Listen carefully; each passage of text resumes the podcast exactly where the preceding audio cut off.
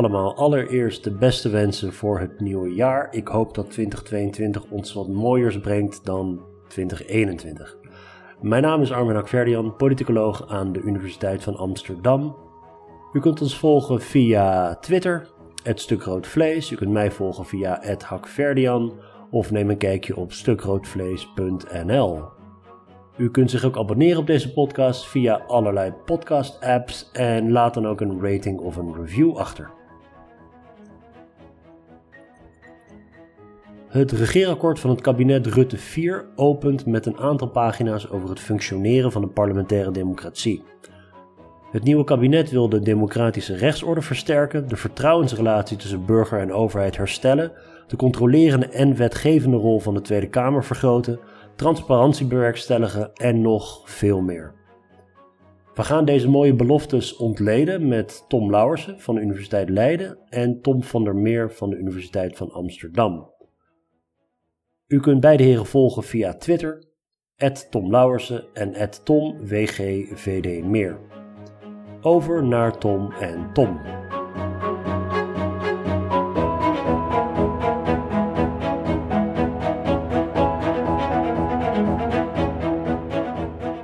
Het is maandag, de dag na kerst. Ik zit hier met Tom Lauwersen, Tom van der Meer. Tom Lauwersen, welkom. Goedemiddag. En Tom van der Meer, welkom. Hi. We gaan uh, een, kleine terugblik doen op het uh, bewogen politieke jaar 2021. We hebben natuurlijk verkiezingen gehad. We hebben een uh, lange kabinetsformatie gehad. Tom Lauwersen, als ik met jou mag beginnen. Wat is bij jou het, um, het meest bijgebleven als je over een jaar of tien terugdenkt aan die kabinetsformatie van 2021? Ja, het is natuurlijk een, een record lange formatie en die, die lange duur die komt vooral omdat ze zo ontzettend lang in die voorfase hebben gezeten. de, toen er eenmaal werd bepaald dat deze vier partijen inhoudelijk gingen onderhandelen, uh, toen was het eigenlijk min of meer een, normale formatieduur. Dat is nog steeds niet heel erg snel in Nederland. Maar uh, ervan uitgaande dat ze uh, er bij de poppetjes uitkomen, is, is dat nog niet zo, niet zo gek lang proces. maar ze hebben er ontzettend lang over gedaan om te komen tot de beslissing om met vier partijen echt inhoudelijk te gaan onderhandelen. Eh, en dat hangt natuurlijk enorm eh, samen met eh, die, miskleunen in, de, in de vroege fase van de formatie, maar ook met een aantal structurele factoren.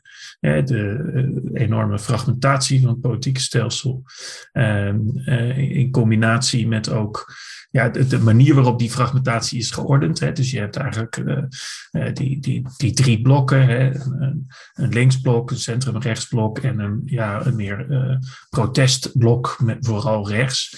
Um, en ja, die, die hebben allemaal geen meerderheid. En, en, en ja, het initiatief ligt vooral bij dat centrum-rechtse blok.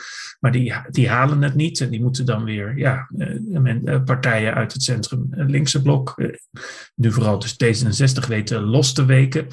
Um, ja, en dat, dat, dat maakte het sowieso al een lastig proces. en in combinatie met al die ja, die fouten die zijn gemaakt en of ja, die, die toevalligheden, die functie elders memo die dan uitlekte, et cetera. Uh, ja, dat, dat zorgde voor een enorm lang voorstadium in dit uh, onderhandelingsproces. Tom van der Meer, voor jou? Rond die formatie, ja, het is eigenlijk precies wat Tom Lauwers zojuist zegt. het grote probleem zit hem dus in dat, dat structureel het formeren moeilijker, nog moeilijker is geworden dan het al was omdat het partijstelsel is opgebroken in drie blokken. Dat zien we zowel onder kiezers, dus die drie blokken die Tom zei van je hebt links, je hebt centrumrechts en ja, vooral radicaal rechts uh, is daar een blok onder, blok binnen.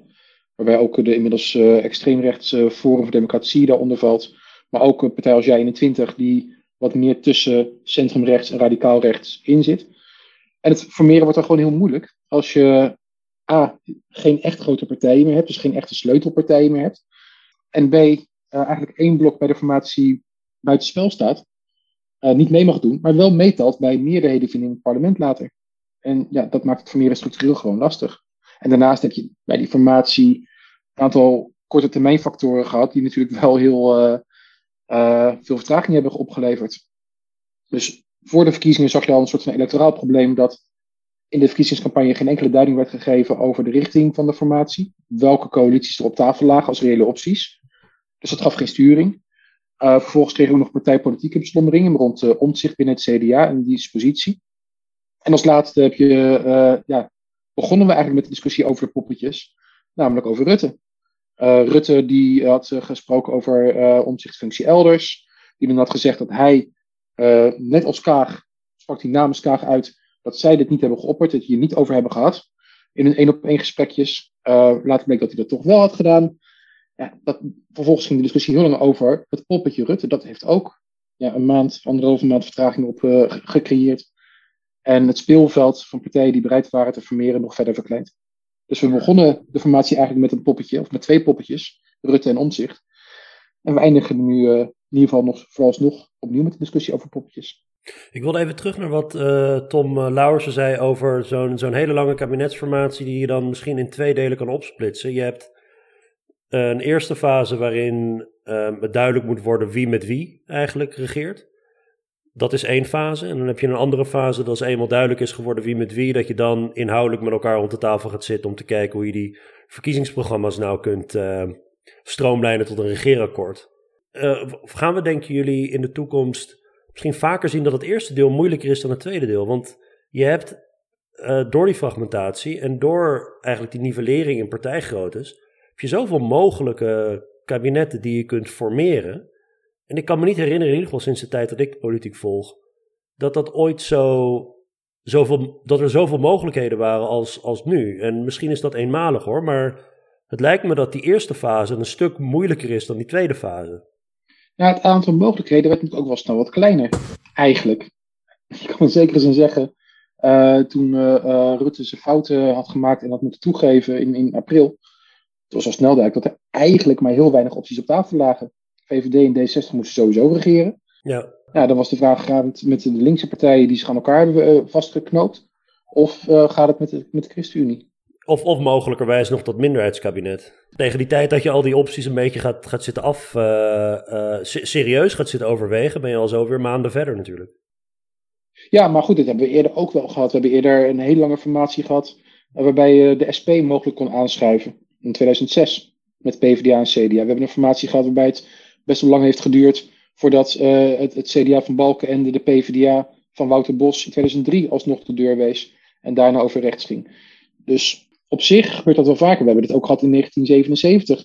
Enorm lange formatie waar eerst werd gekeken of uh, de PvdA met uh, het CDA ging en vervolgens ging het CDA alsnog met de VVD verder. Dus dat gebeurt wel wel vaker, denk ik. Ik denk wel dat het heel veel lastiger is geworden, omdat je in tegenstelling tot vroeger geen sleutelpartij meer hebt. In het verleden was het heel vaak het CDA dat eigenlijk kon kiezen welke kant het op wilde laten gaan. Het CDA in 77 was misschien niet de grootste, maar kon wel kiezen of ze met de PvdA wilden gaan regeren of met de VVD, want samen zouden ze een meerderheid hebben. Hetzelfde kon het CDA in 2003, het CDA in 2006 had ook nog behoorlijk wat touwtjes in handen. Nu gold dat niet. Er waren eigenlijk twee sleutelspelers, niet één. En die twee die hadden verschillende voorkeuren. En, en ja, dat werd een, een wedstrijdje Antje worstelen. Waarbij continu inhoudelijke afwegingen samengaan met electorale afwegingen. En dan zien we volgens mij in de politiek hetzelfde als wat we onder kiezers zien. De inhoudelijke verschillen zijn misschien niet eens heel erg groot. Maar er is wel een behoorlijke polarisatie. Dus inhoudelijk gezien zijn de verschillen tussen de centrumrechtse partijen en linkse partijen misschien niet altijd even groot. Maar electoraal gezien kan het heel erg uitmaken voor een CDA en een VVD of ze met de linkse partijen gaan regeren, waardoor ze kwetsbaarder komen te staan ten opzichte van radicaal rechts. Of dat ze met de ChristenUnie gaan regeren, wat, ja, het, wat hun een wat veiliger positie geeft. Mm. En voor D66 het omgekeerde. Tom uh, Lauwersen, de, uh, de premier, die uh, heeft een interview gegeven vorige week waarin hij zei... het hielp niet dat de koning niet meedeed. Het was een beetje een rol, een beetje een, een, een pleidooi om misschien de koning weer een rol te geven in de formatie. Wat, uh, wat vind je ervan? Ja, ik denk dat dat de aandacht afleidt van de werkelijke problemen rondom uh, de formatie. Uh, het proces, het, het, probleem zat niet in de procesbegeleiding, denk ik. Ehm, je kunt misschien zeggen, ja, kijk, eh, als zo'n Kamer een nieuwe informateur moet benoemen, dan kost dat iets langer dan een, een, een eh, ronde waarin de koning een aantal mensen spreekt en een, informateur benoemt. maar dan gaat het om het verschil in een paar dagen. Ehm, maar ik, ik denk niet dat het proces nou zo ontzettend veel anders had gelopen uh, als, als je een, uh, een eenhoofdige opdrachtgever had gehad, in, dit geval uh, de koning. We, zagen ook, als je even terugkijkt naar de, de formaties um, die onder leiding van de Kamer zijn verlopen, dat de eerste keer dat het gebeurde in 2012, ging het juist hartstikke snel en, en spoedig. Dat was eigenlijk de snelste reguliere formatie in de afgelopen 30 jaar. Want toen vonden eh, PvdA en VVD eh, elkaar heel erg snel. En duurde die voorfase van wie gaat met wie eigenlijk maar eh, een, een, week of zo. Want ze waren het er eigenlijk bij het eerste gesprek alle twee al over eens dat zij met elkaar moesten gaan regeren. En dat dat het meest voor de, voor de hand liggende optie was. En, dat zei ook, hè? Want de alle ja, alternatieven die zouden uit vijf partijen moeten bestaan, geloof ik. Ja, dus dat was de meest logische optie. Dat zagen ze snel in. Uh, dat, dat was misschien bij een deel van de achterbannen niet altijd even populair. Maar ze, ja, ze waren alle twee zo realistisch en maakten snel de draai.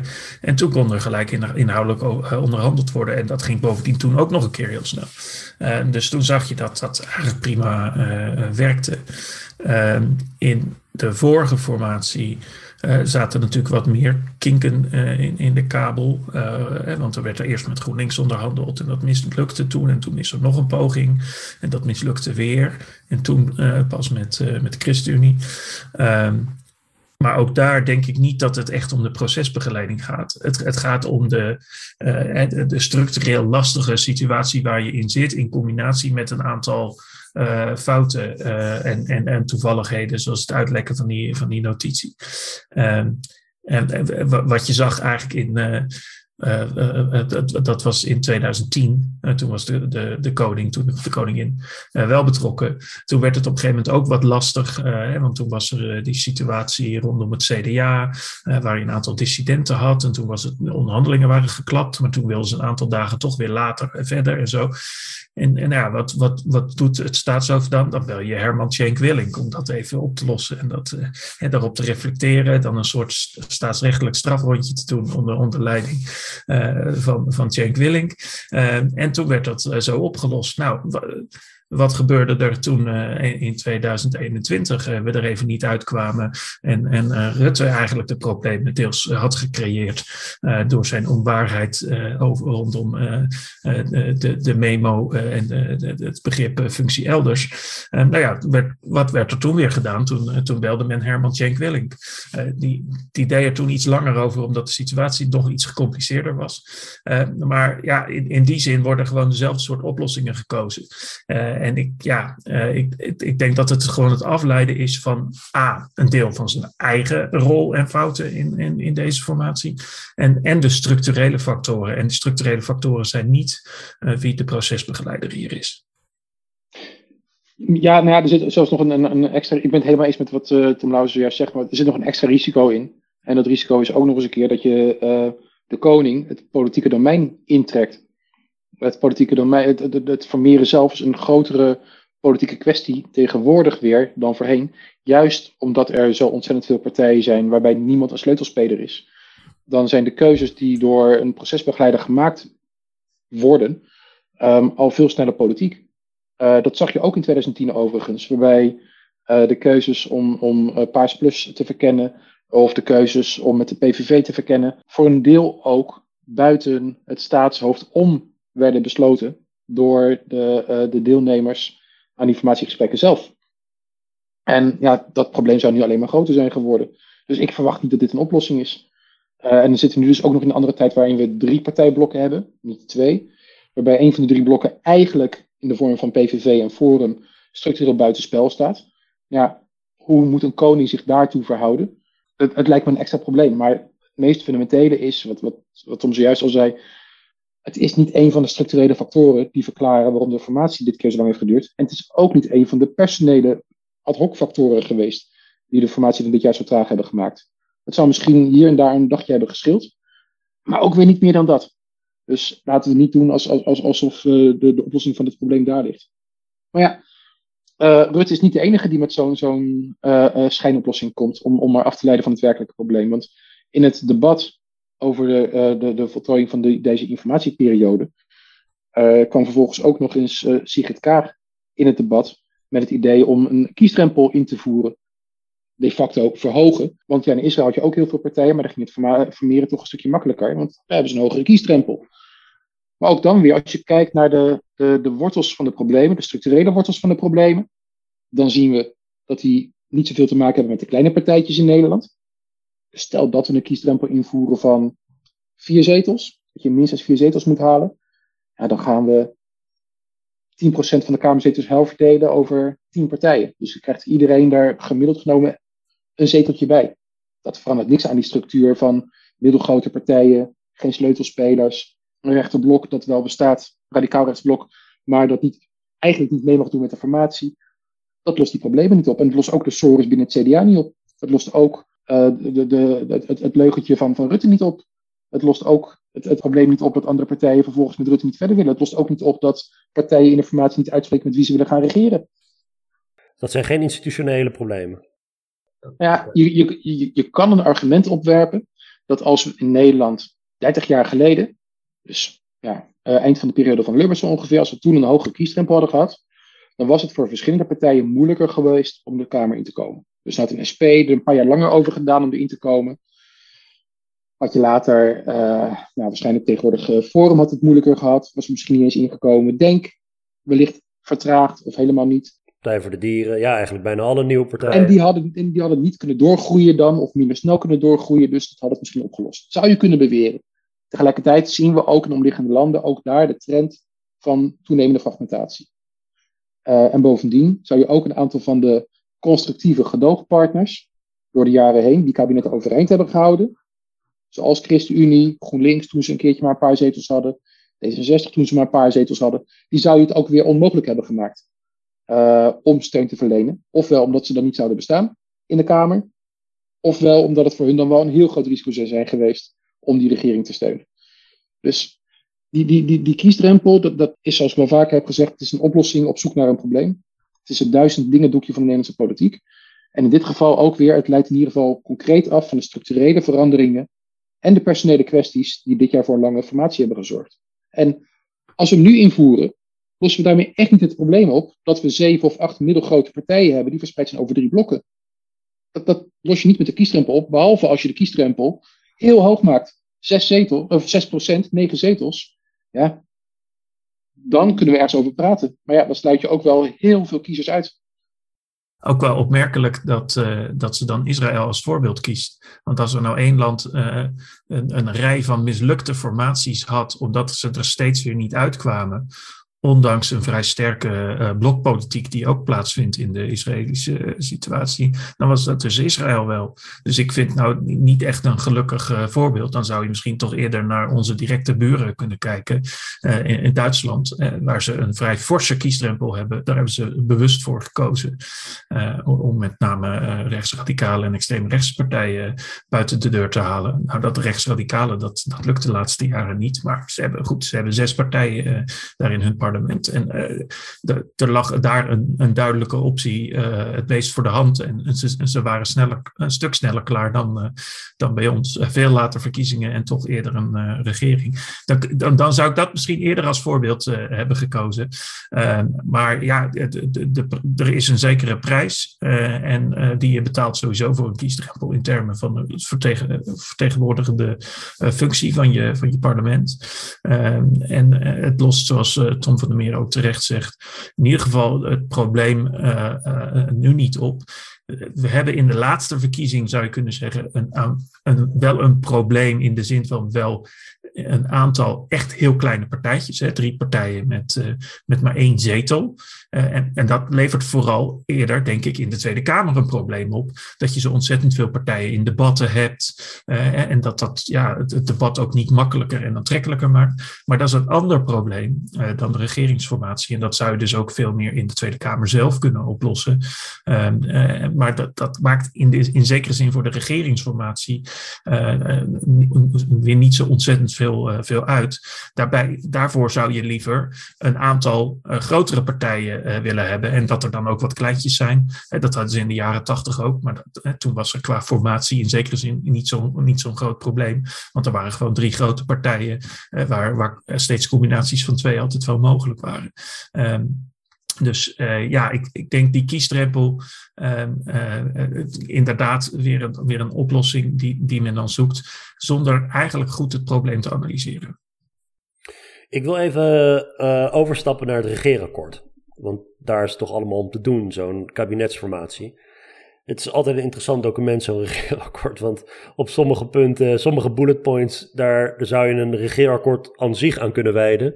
En andere punten zijn zo ontzettend uh, gedetailleerd en minutieus.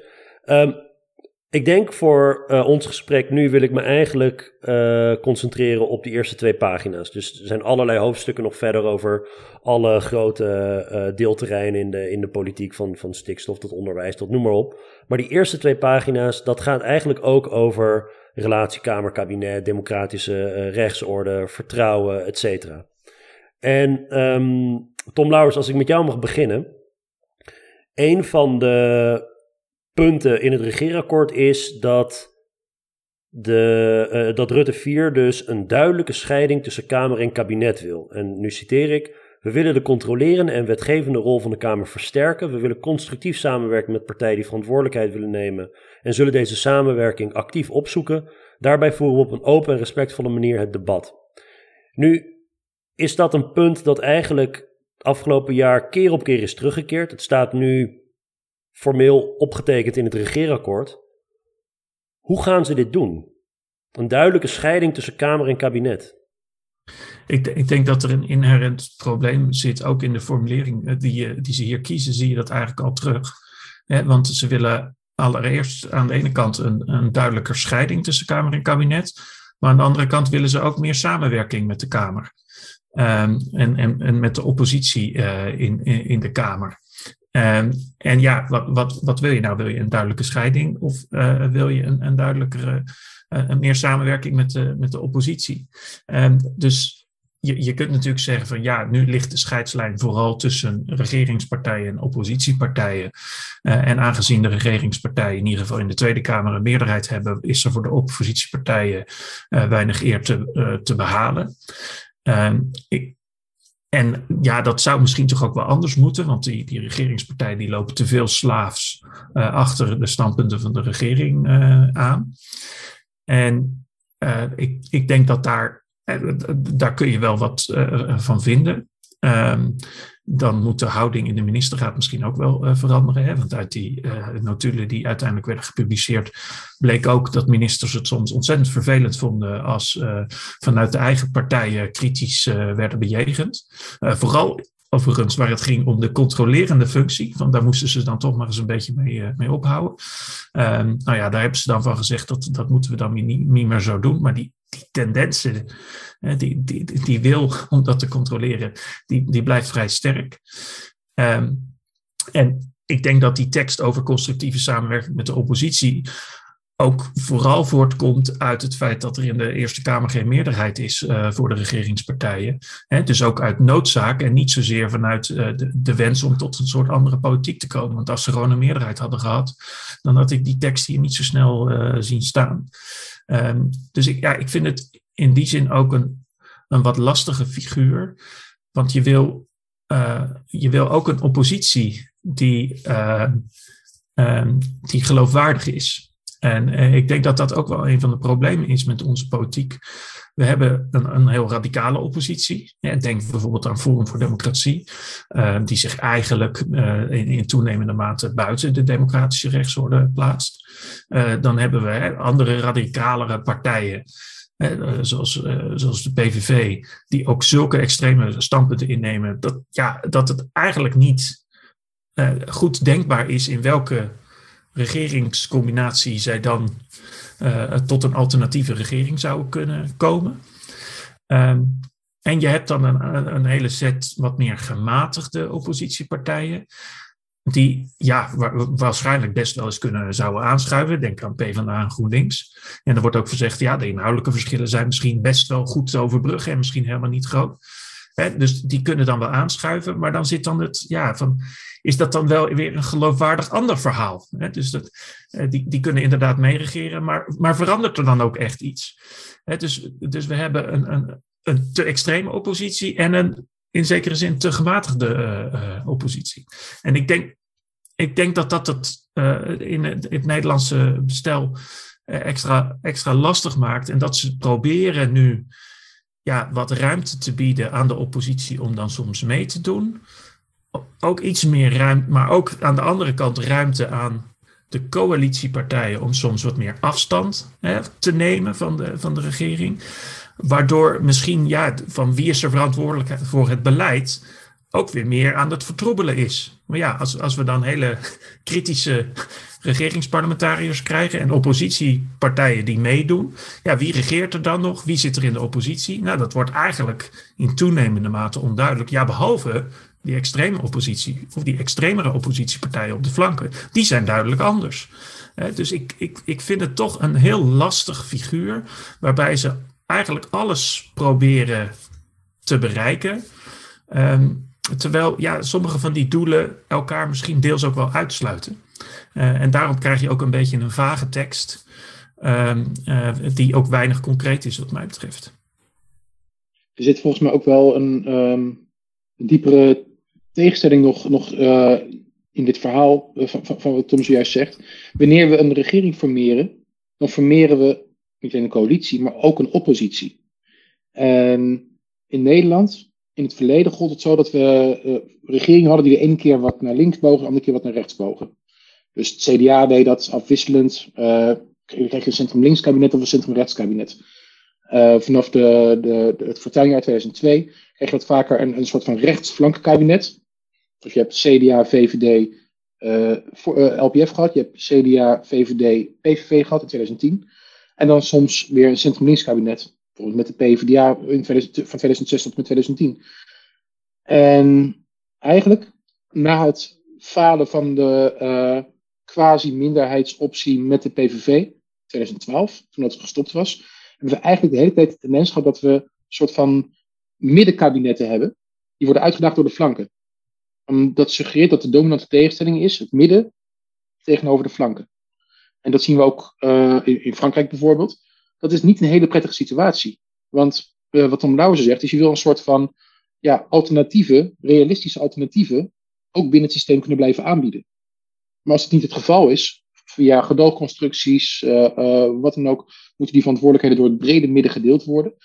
Ontstaat er het risico dat ja, de komende vier jaar de discussie is het midden tegen de flanken. Het flanken biedt een alternatief. Kiezers gaan dus eerder naar de flanken toe is in ieder geval aantrekkelijker, want die hebben een, een ander verhaal te bieden. Dat, dat, dat, dat de dominante dynamiek gaat blijven. Uh, dat leidt enerzijds tot een soort van, van defensief en misschien zelfs stagnatie van het politieke midden. Uh, maar ook tot, tot een systeem dat, dat zichzelf maar moeilijk kan verversen. Daadwerkelijk in termen van beleid. Want er worden weinig alternatieven geboden. Daar zit volgens mij wel een, een risico in um, van dit systeem. Nou denk ik niet, kijk, het alternatief dat, dat eerder werd gesuggereerd zeker ook door mij, is een minderheidskabinet. Ja, ik denk dat alle bruggen daarvoor in uh, de eerste helft van deze formatieperiode vakkundig zijn verbrand door alle deelnemende partijen. De VVD hield vast aan, aan Rutte als premier, dat was een, een, een sine qua non. Dus daardoor vielen een aantal partijen af om eventueel uh, gedoogsteun te kunnen bieden.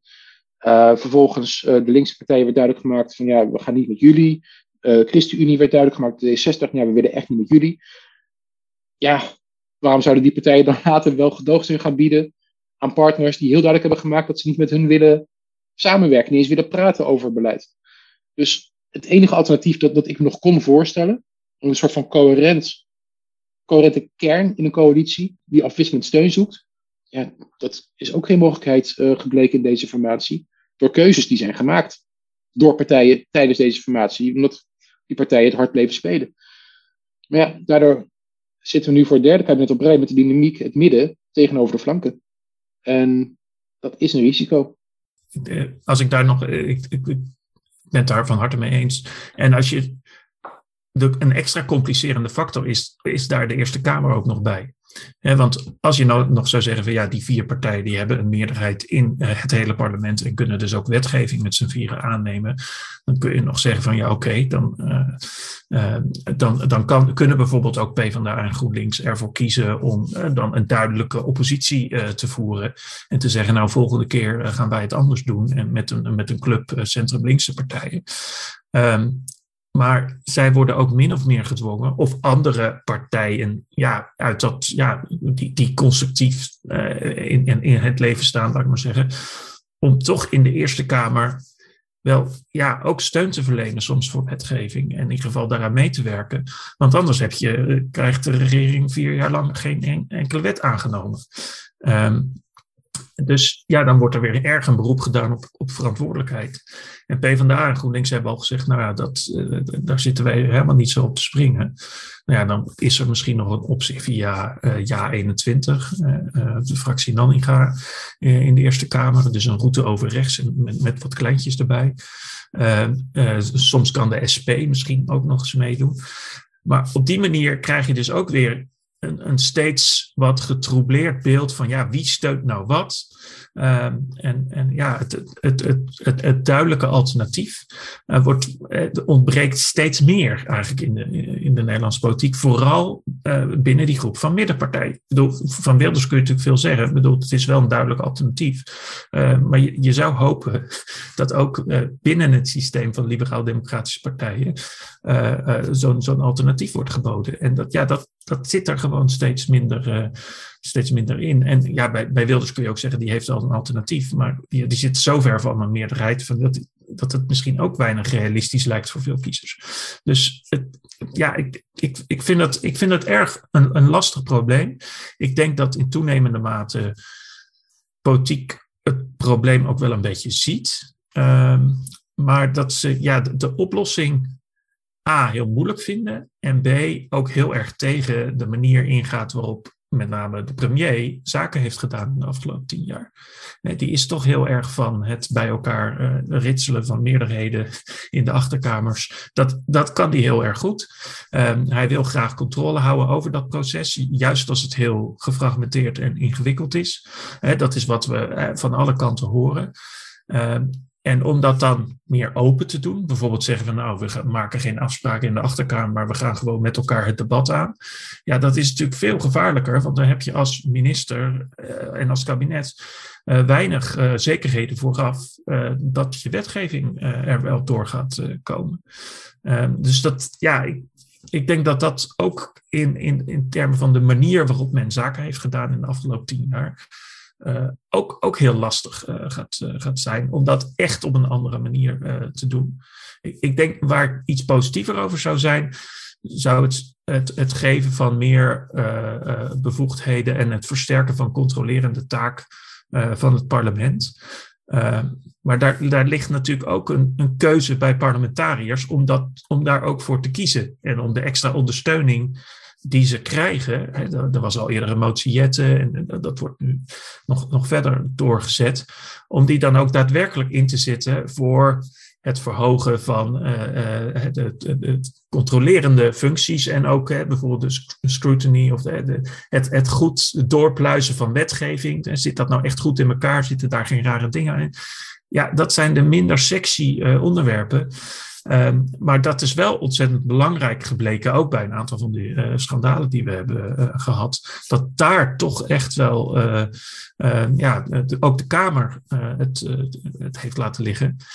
En als de Kamer daarvoor zou kiezen en ook het extra middelen daarvoor inzet, dan zou dat denk ik helpen.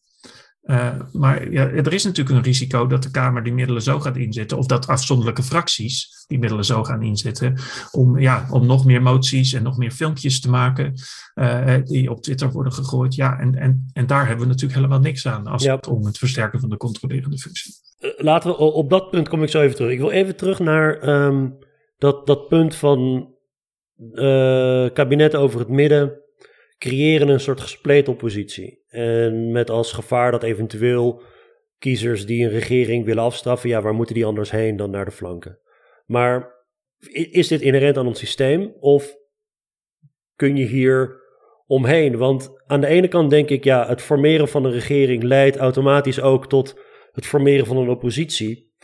Dat is een beetje een meerderheidslogica die ik minder goed vind passen bij een land als Nederland met multidimensionale politiek, met meerdere dimensies, met, met allerlei soorten gefragmenteerde politiek. Je hebt niet echt een leider van de oppositie bij ons. Is er een manier uit? Of is het simpelweg toegenomen volatiliteit van kiezers, uh, multidimensionele uh, politieke ruimte? Hoe je het ook wendt of keert, zul je altijd ergens rondom een kabinet allerlei oppositiepartijen hebben waar kiezers dan heen kunnen. Al is het op een economische dimensie, op een culturele dimensie, hoe zien jullie dat?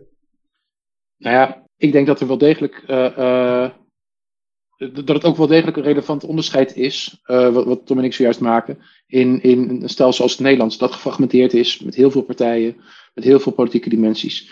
Wanneer regeringen worden gevormd langs een soort van programmatische kern van coalitiepartijen, of dat nou links of rechts is, progressief of conservatief, eurofiel of, of eurosceptisch, dat maakt niet zoveel uit. Maar daarin zit dan de keus voor een oppositie geborgen. Paars 1 en Paars 2 in de jaren 90. Dat waren kabinetten die linkse en rechtse, economisch linkse en rechtse partijen met elkaar verenigden. Maar er was oppositie mogelijk. In eerste instantie sowieso vanuit ethische hoek. Vanuit ja, christelijke hoek, conservatieve hoek. En later, onder, toen Dijkstal de, de, de, de partijleider werd van de VVD, was er ook oppositie mogelijk vanuit culturele thema's. Want de drie partijen, zeker toen Dijkstal bij de VVD eh, de lijsttrekker was geworden en de partijleider was geworden, waren uh, alle drie eigenlijk voorstander, of op zijn minst geen tegenstander van de multiculturele samenleving en Europese samenwerking. Dus daarmee kan je zelf je eigen oppositie ook creëren. Het nadeel van een, een, een coalitie zoals we dat nu doen, dat, dat een meerderheidscoalitie per se wil zijn, of inmiddels moet zijn, door alle verbrande schepen, is dat eigenlijk op, op bijna alle centrale dimensies van de Nederlandse politiek is, is hier geen enorm duidelijke kern aanwezig. Uh, op, op economisch gebied zou je nog kunnen zeggen, er zitten de partijen enigszins bij elkaar. Dan loop je van rechts op economisch gebied naar ja, ChristenUnie net iets links van het midden. Uh, maar op ethiek zitten D66 en, en ChristenUnie heel erg ver uit elkaar. Uh, rond uh, asielmaatregelen zitten partijen ver uit elkaar. Rond klimaat zitten de partijen ver uit elkaar. Dus op heel veel van die kernthema's zitten die partijen best wel ver uit elkaar. Um, en daarmee slokken, slokken de discussies binnen de coalitie eigenlijk ook een deel van de discussies tussen de coalitie en de oppositie al op. Dus ook in een systeem als het Nederlandse is dit wel mogelijk. Maar dat vraagt wel wat in, in gedragsmatige zin van de politiek. Je kan denken aan blokvorming. Dat is één uitweg. Er wordt ook al vaker voor gepleit. En blokvorming betekent niet meteen fusie, maar wel dat je van tevoren aangeeft wat voor jou idealiter je, je, kerncoalitie is, zodat dat ook richting geeft aan die formatie. De tweede optie die je hebt zijn minderheids coalities die wel ideologisch wat meer dichter bij elkaar staan. En dan op voor hun secundaire thema's steun kunnen gaan zoeken bij het parlement. Uh, ook, ook bij partijen die, die op hun kernthema's wat verder van hen afstaan. Dus er zijn alternatieven denkbaar. Maar ja, als je dat niet doet, en kiezers moeten op zoek naar alternatieven. En die alternatieven vind je niet zomaar bij het midden, want die zijn ook weer nodig voor de gedoogsteun. Uh, waarbij het niet duidelijk is waarom het een wel en het ander niet. Ja, dan, dan geef je dus de ruimte voor kiezers bij de flanken. En dan geef je ruimte voor kiezers om nieuwe partijen uit te zoeken.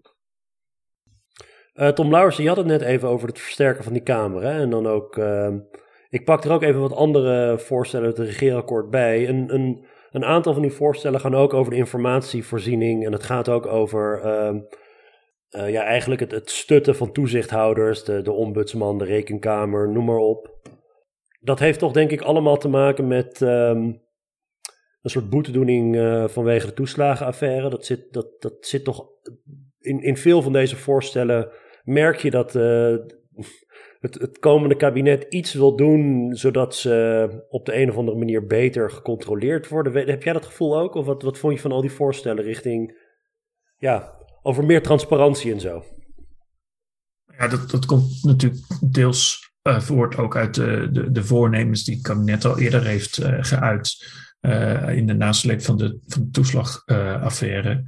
En ze zeggen van ja, bijvoorbeeld als het gaat om uh, verzoeken uh, binnen de wet voor de openbaarheid van bestuur, die, die WOP-verzoeken, dat we niet alles maar zwart lakken, wat bijvoorbeeld een individuele opvatting van een ambtenaar was. want alles wat eigenlijk voor de interne beraadslaging, dat werd dan allemaal weggelakt.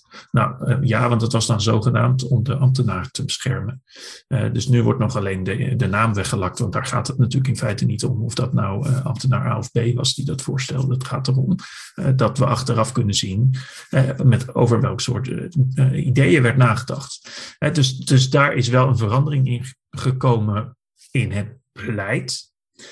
Maar als je dan kijkt naar de uitvoering, dan zie je toch nog steeds wel heel veel gefrustreerde journalisten op Twitter. Uh, die dan zeggen: we, ja, er wordt toch nog steeds wel ontzettend veel uh, weggelakt, moeilijk gedaan, uh, getraineerd. Hè, dat het ontzettend lang duurt om bepaalde zaken op te vragen.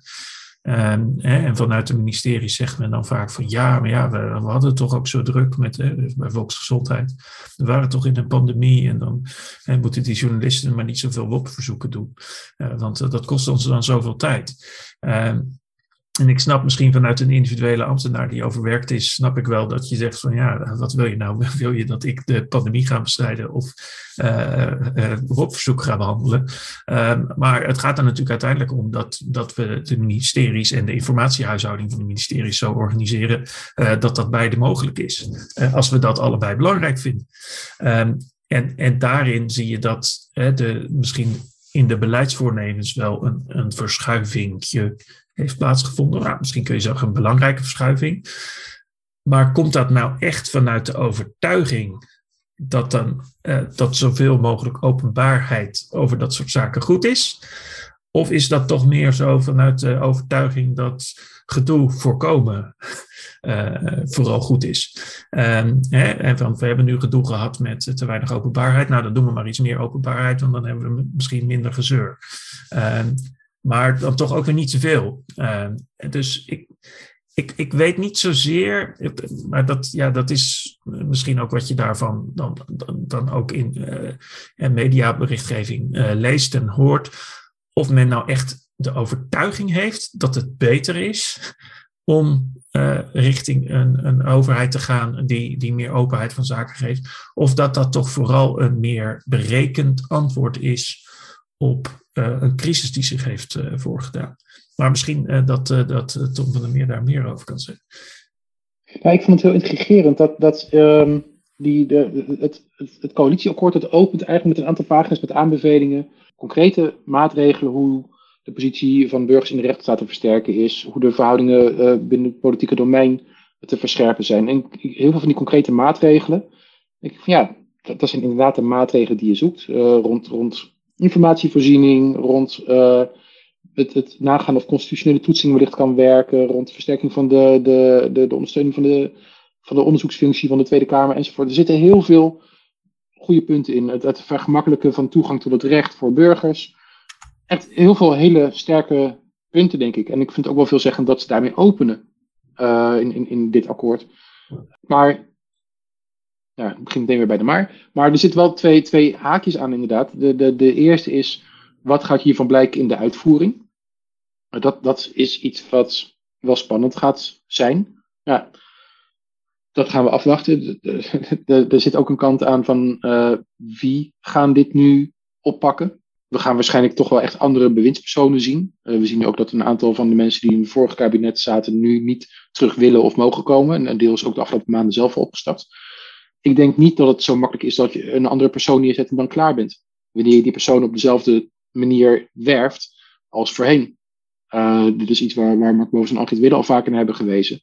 Ja, je kan wel een, een, eh, een jong persoon uh, neerzetten in de politiek, maar als die jonge persoon op precies dezelfde manier is gesocialiseerd als uh, het oudere persoon eerder, dan is dat geen fundamentele oplossing. Het tweede wat ik mis is, en misschien is dat te veel gevraagd in deze fase hoor, maar is werkelijk een beschouwing van wat is nou die nieuwe bestuurscultuur? Wat is nou die nieuwe politiek?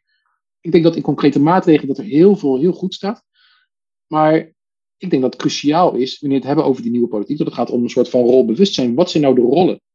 Wat is nou de rol die de burger en de staat hebben ten opzichte van elkaar? De burger als kiezer, de burger als onderdaan, de burger als cliënt. En wat hebben we nodig, zowel voor de burger als voor de staat, om die rollen, die verhoudingen goed te laten vervullen? Wat is de rol van de Tweede Kamer? Wat is de rol van de regering? Wat is de rol van de Eerste Kamer? Wat is de rol van de Raad van State? Wat, wat is nu voor nodig om die positie te versterken? Ik denk dat er heel veel concrete maatregelen liggen, maar dat, dat bredere idee over de nieuwe bestuurscultuur of de nieuwe politieke cultuur, dat is niet echt uitgewerkt. En daarmee blijft het, zoals in de debatten op het moment, een beetje een, een, een, een labmiddel, een, een, een woord dat je kan gebruiken om alles in te vullen. En dat zag je ook al overigens op de dag van uh, de bespreking van het debat uh, over uh, het huidige akkoord. Zag je dat al meteen terug.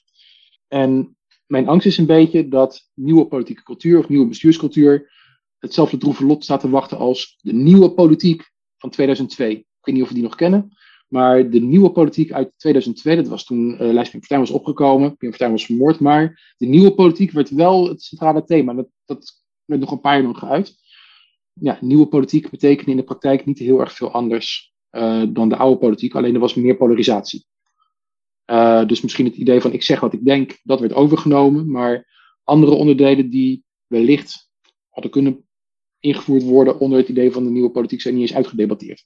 Dus daar zit voor mij wel een zorg. Dus ik had zo'n centraal stuk verwacht. En het is volgens mij van belang. Ik hamer al wel vaker op, op het idee van welke rollen hebben instituties, hebben actoren in dat hele systeem. En hoe kan je ervoor zorgen dat die rollen goed uitgevoerd kunnen worden. Ja, ik zie de laatste maanden toch ook wel heel wat gevallen voorbij komen. Dat ik denk, ja, die rollen die, die worden niet zo fijn uiteengetrokken. We hebben het net al gehad over het feit dat de eerste vier informateurs, dat waren drie zittende ministers van de huidige coalitie en de fractievoorzitter van de VVD van de Eerste Kamer. Ja, dat is niet een heel erg uh, uh, qua rol losstaande uh, personele invulling. Of denk aan de drie staatssecretarissen die waren benoemd terwijl ze Kamerlid zouden blijven. De discussie ging er in de media over: mag dit wel van de grondwet? Terwijl volgens mij de werkelijke discussie had moeten zijn: is dit wenselijk binnen ons parlementaire stelsel? Kijk, grondwettelijk gezien, ja, de grondwet had zich niet over uitgesproken, had niet voorzien in dit idee. Daar komt het eigenlijk op neer. Maar de meer relevante vraag is: is het wenselijk dat je in een slepende formatie, waar die onderlinge rollen toch onder druk staan, dat je mensen die dubbelfuncties geeft? En, en zo gaat het wel meer. Denk, denk uh, uh, uh, Rutte, die um, zich op een gegeven moment zei over de, de informateur, toen Ollongren en Joris maar waren opgestapt. Kunnen die nog ter verantwoording roepen? Nee, nee, dat kan niet meer. Nee, dat is nu echt onmogelijk, want ja, die, die functie bestaat niet meer. Maar daar had Rutte als premier geen klap over te zeggen. En als fractievoorzitter was hij maar een van de velen. Dus toen moest hij ook op terugkomen.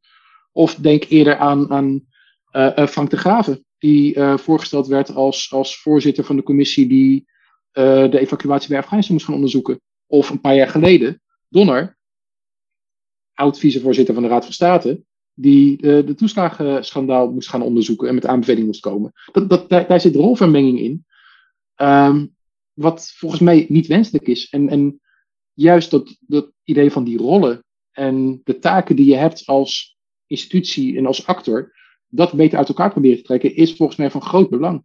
Juist wat, wat Armin net al zei, om dat idee van verantwoording te kunnen versterken.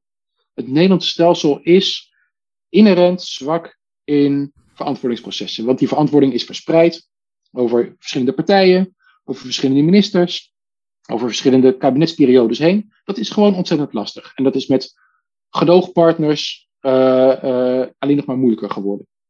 Maar probeer zoveel als dat kan ervoor te zorgen dat die lijntjes overduidelijk zijn.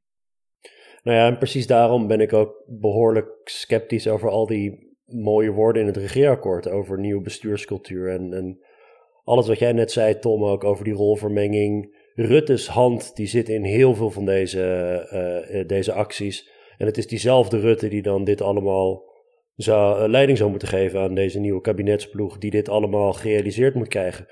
Eén voorbeeld. Um, Tom Lauwers had het net over die, uh, dat woppen en ook de manier waarop vanuit journalistiek Nederland gereageerd werd hierop volkomen terecht. Er staat in hetzelfde regeerakkoord, meteen daarna staat er een passage over persvrijheid. En over ehm, het versterken van de pers. En over het belang van een pluriform mediabestel. En noem maar op. nou, afgelopen jaar zijn er verschillende NGO's geweest met rapport over de persvrijheid. En die waren kritisch op Nederland. Deels vanwege de dingen die in het regeerakkoord staan over intimidatie van journalisten, ook in de coronapandemie, geweld tegen journalisten, maar ook uh, ja, intimidatie. Dat is één onderdeel. Dat staat in het regeerakkoord inderdaad. Daar moet wat tegen gedaan worden.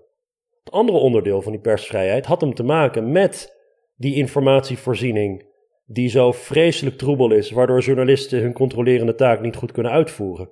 Het is veelzeggend voor mij dat er veel in staat over persvrijheid, maar niet over een van de twee belangrijkste kritieken Namelijk, ja, eigenlijk, het, het, het, het, journalisten kunnen hun werk niet goed doen op het moment dat vanuit de ministeries en elders um, uh, die informatievoorziening uh, stokt.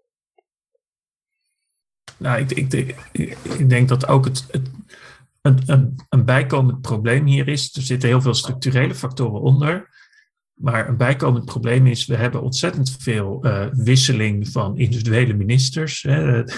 Uh, vandaag werd bekend dat Sander Dekker dan niet terug zou keren als minister. En dat was dan de laatste VVD'er die op het bordes had gestaan als minister, die nog niet weg was, behalve de minister-president. En het, het, is al eerder opgemerkt dat de VVD in de laatste paar jaar toch wel vooral een heel erg sterke Rutte-promotiemachine is geworden. Waarbij eigenlijk alles hangt, zowel in hun campagne als daarna op het handhaven van de positie van Rutte. En ja, die, die was dus symbool voor die oude politiek, maar die, die keert nu wel terug als minister-president eh, binnen, binnen die nieuwe politiek. En dan was het eerst van ja, ik ga toch wel veranderen. En dan kwam er in een nieuwsuur een, uh, een, een, een, interview over die nieuwe bestuurscultuur en de voorstellen uh, die, die, die die dan zou doen. Nou ja, misschien dat er iemand in, uh, in, in, in het centrum van Laren van zijn stoel is gevallen omdat hij dat zo wereldschokkend vond. Maar in de rest van Nederland werd dat toch nogal lauw ontvangen. En, en, en in een recente interview zei hij dan ook, ja, ik ben wie ik ben. Dat was toch ook ongelooflijk, Tom? Dat hij dan dat hij in datzelfde interview. Dan gaat het dus over een minister-president die het afgelopen jaar keer op keer door het stof is gegaan. En heeft gezegd dat er een nieuwe bestuurscultuur mogelijk is. En, en noem maar op. Dan is dat regeerakkoord, dat is, dat, de, de inkt is nog niet opgedroogd. Of hij zegt: ik, ik ben wie ik ben, ik kan niet veranderen. Wat, waar zijn we dan mee bezig? Hoe kan het nou met dezelfde poppetjes, met dezelfde Rutte, die uh, zo onder vuur heeft gelegen, precies vanwege dit punt, dat hij in zo'n. Uh, in, hij zegt niet eens: ik ga het proberen, ik ga mijn uiterste best doen. Hij zegt: nee, een slang. Hij had iets met een of andere. met, met vergelijking met een of andere slang die zijn vel uh, af, afgeeft. En, dat hij zich niet kan vernieuwen. Hij is wie hij is. Ik denk, nou, dat worden een leuke vier jaar weer. Als we al deze mooie woorden uit het regeerakkoord moeten gaan zitten waarmaken. Ja, ik, ik ben misschien wat hoopvoller dan jullie twee hierin. Uh, ik denk dat die heleboel, ja, serieus, ik denk dat een heleboel van die concrete maatregelen de maatregelen zijn die je, die je wil verwachten hier. Ik mis alleen het bredere idee erachter dat dat gewoon op papier wordt gezet en duidelijk wordt gemaakt waarom. Dat is volgens mij cruciaal en vervolgens de uitvoering. Maar ik heb jaren geleden al een keer gezegd, ik denk dat Rutte een premier is die voor een land dat gefragmenteerd is, dat een land dat, dat wisselende meerderheden moet zoeken, een premier is die daarbinnen functioneert. Alleen er moet wel een ontzettend sterke tegenmacht tegenover staan vanuit het parlement of vanuit de juniorpartners in de coalitie, om daar richting aan te geven en, en, en, en daar aan te houden. En de vraag is dus of dat nu gaat komen. Of dat de, de juniorpartners zich weer laten gijzelen door de coalitie. En daar heb, ja, ik, ik, ik heb uh, de laatste jaren niet gezien dat daar ook maar enige kentering in, in is gaan plaatsvinden. Dus daar is mijn, mijn uh, hoop uh, wat, wat minder euforisch. Ik, ik, denk echt dat, dat die partijen een flinke, uh, de andere partijen een flinke draai moeten maken. Om ervoor te zorgen dat het niet alleen bij mooie woorden blijft, maar dat die ook wel echt worden omgezet in andere daden en in bredere zin een andere cultuur. Maar daarvoor is het ook van belang dat je eerst duidelijk hebt waarom we doen wat we doen, waarom die maatregelen zo van belang zijn. En dan kan je dat elke keer als een eikpunt gebruiken waarom je in generieke zin die verandering wil maken. Want anders is het te makkelijk om elke keer uh, in casuïstiek te belanden en op korte termijn te zeggen: ja, we willen wel die kant op, maar op dit concrete beleidsterrein is dat niet mogelijk. Ja, we willen wel meer informatievoorziening hebben. Maar jongens, de coronacrisis, dat vergt er zoveel van ons, dat nu gaat dat even niet. Wat, wat ik het meeste mis, we hadden het net over die eerste pagina van, van het regeerakkoord. In brede zin in het regeerakkoord, wat mij verbaast, is gegeven dat corona nog heel lang boven ons land zal blijven hangen, heb ik nog steeds geen, geen idee van een lange termijn strategie hoe we in Nederland om zullen gaan met corona gezien. En dat heeft ook ja, vanuit uh, uh, perspectief wel gevolgen. Want als we elke keer op relatieve ad hoc basis moeten reageren op nieuwe ontwikkelingen, en onze, als we niet verder kijken dan een aantal weken in de toekomst, dan kunnen we ook in de politiek niet die fundamentele discussies voeren die we zouden moeten voeren. Fundamentele discussies rond de invoering van coronapaspoorten of 2G of vaccinatieplichten. Als de hele wordt gezegd, dit gaan we niet doen. Nee, het is echt geen optie. Nee, gaan we niet doen. En opeens veranderen omstandigheden vanwege een, zwaardere variant. En dan is het opeens een noodzaak dat we iets moeten gaan invoeren. Ook al een nachtklok of het sluiten van de scholen. Dan kunnen we die principiële discussies niet voeren. Dan staan we elke keer met de rug tegen de muur. En dat mis ik nog het meeste, denk ik, in het, in het, in het akkoord. Ik denk dat dat ook wel raakt aan de kern van of een, een van de kernen van, van de problemen die we, die we hebben. En dat is dat heel veel politiek door met name die middenpartijen, de regerende partijen, wordt gepresenteerd als een soort van there is no alternative. We moeten dit wel doen, want de pandemie, want de omstandigheden, dit of zus of zo. En uh, ja, als je eigenlijk al gaat aangeven van er is eigenlijk geen alternatief, ja, waar, waar hebben we de democratie dan voor georganiseerd? Ik bedoel, in de, in de democratie is het juist de bedoeling dat we wel een alternatief hebben. Ehm, en ik, ik, ik, denk dat politieke partijen er dus alles aan moeten doen, en met name ook regeringspartijen, om te laten zien waar de keuzes liggen. En dan mogen we argumenteren waarom ze die keuzes maken. maar ik denk zowel op individuele dossiers wordt er te vaak gezegd van ja, dit is onvermijdelijk.